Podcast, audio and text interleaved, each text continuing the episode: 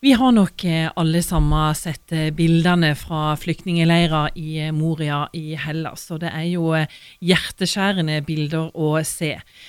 Og Vi hører også om barn som uttrykker ønske om å dø, og barn som helt ned i toårsalderen driver med selvskading. Vibeke Wern, vi skal snakke om en støtteaksjon som nå skal i gang. Men aller først, det gjør uendelig vondt å se alle disse bildene. Ja, det gjør det. Å ta det inn over seg, det, det, er veldig vanskelig for oss som bor her. Men når man først lar det komme inn, og så skjønner at dette er barn, akkurat som mine barn, det, det, det er så vondt at man bare Jeg bare føler jeg må gjøre noe. Og selv om det er veldig lite det er øh, vi samarbeider jo litt med dem som heter Dråpen i havet, og det, det, er en dråpe i havet å sende noen sko til en flyktningleir. Men, men, jeg føler jeg må gjøre noe som, som menneske må man gjøre sitt beste, og selv om det er en dråpe i havet. For nå skal det altså samles inn eh, barnesko. Du må fortelle ja. litt mer om støtteaksjonen.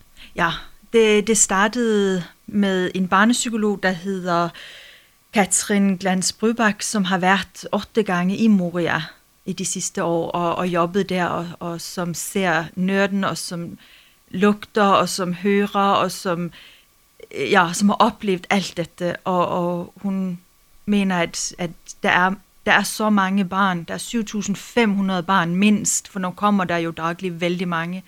Og hun sier det, en av tingene de trenger, er, er sko. Og, og der skal vi samle inn sko, og der blir det er en stor markering i Oslo hvor alle skoene blir satt ut øh, foran Stortinget. Øh, det blir den 1. april.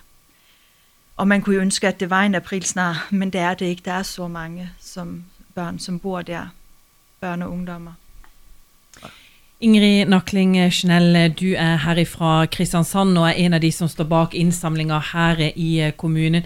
Hva gjør det med deg når du ser disse bildene fra Moria? Først og fremst så tenkte jeg at dette er en fin aksjon som jeg kan være med på. Fordi en ser så mye, og leser og leser, og så gjør en ingenting. Så tenkte jeg at det, det kan jeg. Jeg kan ta imot sko. Jeg har tid til det. Og jeg har tid til å um, henge opp plakater og sånt akkurat nå. Og det er en god ting å få lov å være med, og det, en, det kjennes godt å få lov å gjøre noe. Og barna vil trenge sko uansett hvor de skal gå hen, om det er i den eller den retningen. Og samtidig så syns jeg det er en fin ting å um, liksom vekke folk litt igjen, for det var så mange engasjerte den gangen en starta f.eks. Refugees Welcome to Agder eller Velkomstsenteret i Kristiansand. Og nå er folk kanskje litt sånn metta av å høre, og en vil gjerne være med å gjøre noe igjen.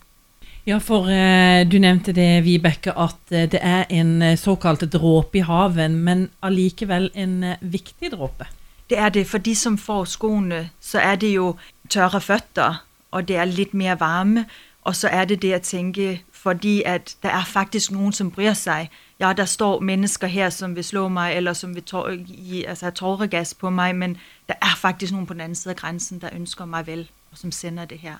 Så det er jo en utrolig viktig støttemarkering for de barn og for de foreldre at Europa er ikke som de ser på grensen, Europa er også oss andre som bryr oss. Ingrid, du er som sagt en av de som eh, samler inn eh, barnesko her i eh, Kristiansand. og på hvilken måte kan vi gjøre det, og holdt på å si, er det både brukte og nye sko man er ute etter? En er ute etter både brukte og nye barnesko. En kan levere disse skoene f.eks. i våpenhuset til domkirka. Der har de satt opp et uh, tomt akvarium. Og der kan folk levere sko på dagtid. Kirka er åpen hver dag fra 11 til 2 og ved alle slags arrangementer. Og så er det satt ut eh, innsamlingskasser ved Hånes senter ved Kiwi. Solkollen barnehage på Hånes, ved Hånes kirke. Det er to innsamlingssteder til i Vågsbygd. En kan ta kontakt med meg, så kan jeg videreformidle. Og, og Vibeke, i Lindesnes, eh, hvor eh, du befinner deg, så har du allerede samla inn litt sko? Ja, jeg har over 100 par nå i lille Lindesnes. Uh, og det er veldig gøy. De står hjemme i min entré. Så, eh, og det, det er egentlig der folk har kommet inn til nå og, og, levert. Og så er det jo spredt ut. Jeg prøver å snakke med litt skoler og litt butikker og Fretex og litt sånn, og håper at, at de kan være med hvis de har noen ekstra sko. Mm. For dette er en aksjon som hele Agder kan være med på? Hele landet er med på dette, helt opp fra Kirkenes og så til Lindesnes. Så, så det er landsdekkende, og vi trenger fortsatt øh, Er det 5000 par eller noe sånt? Så det er, det er en vei å gå enda. Øh, der kommer jo flere inn, og vi har fått lovning på flere, men, men det er en lang vei å gå. Og dette er jo også viktig å si at, at dette er frivillig. Altså vi, er, vi, gjør dette på frivillig basis alle sammen.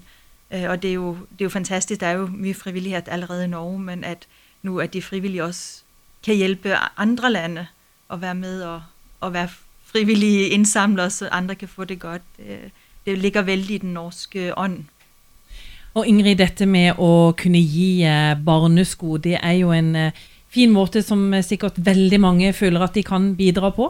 Ja, det kan absolutt alle være med å bidra på. Har du ikke barnesko sjøl og har lyst til å være med, så går det jo an å kjøpe et par sko. Det går an å kjøpe et par brukte sko til meg og gi.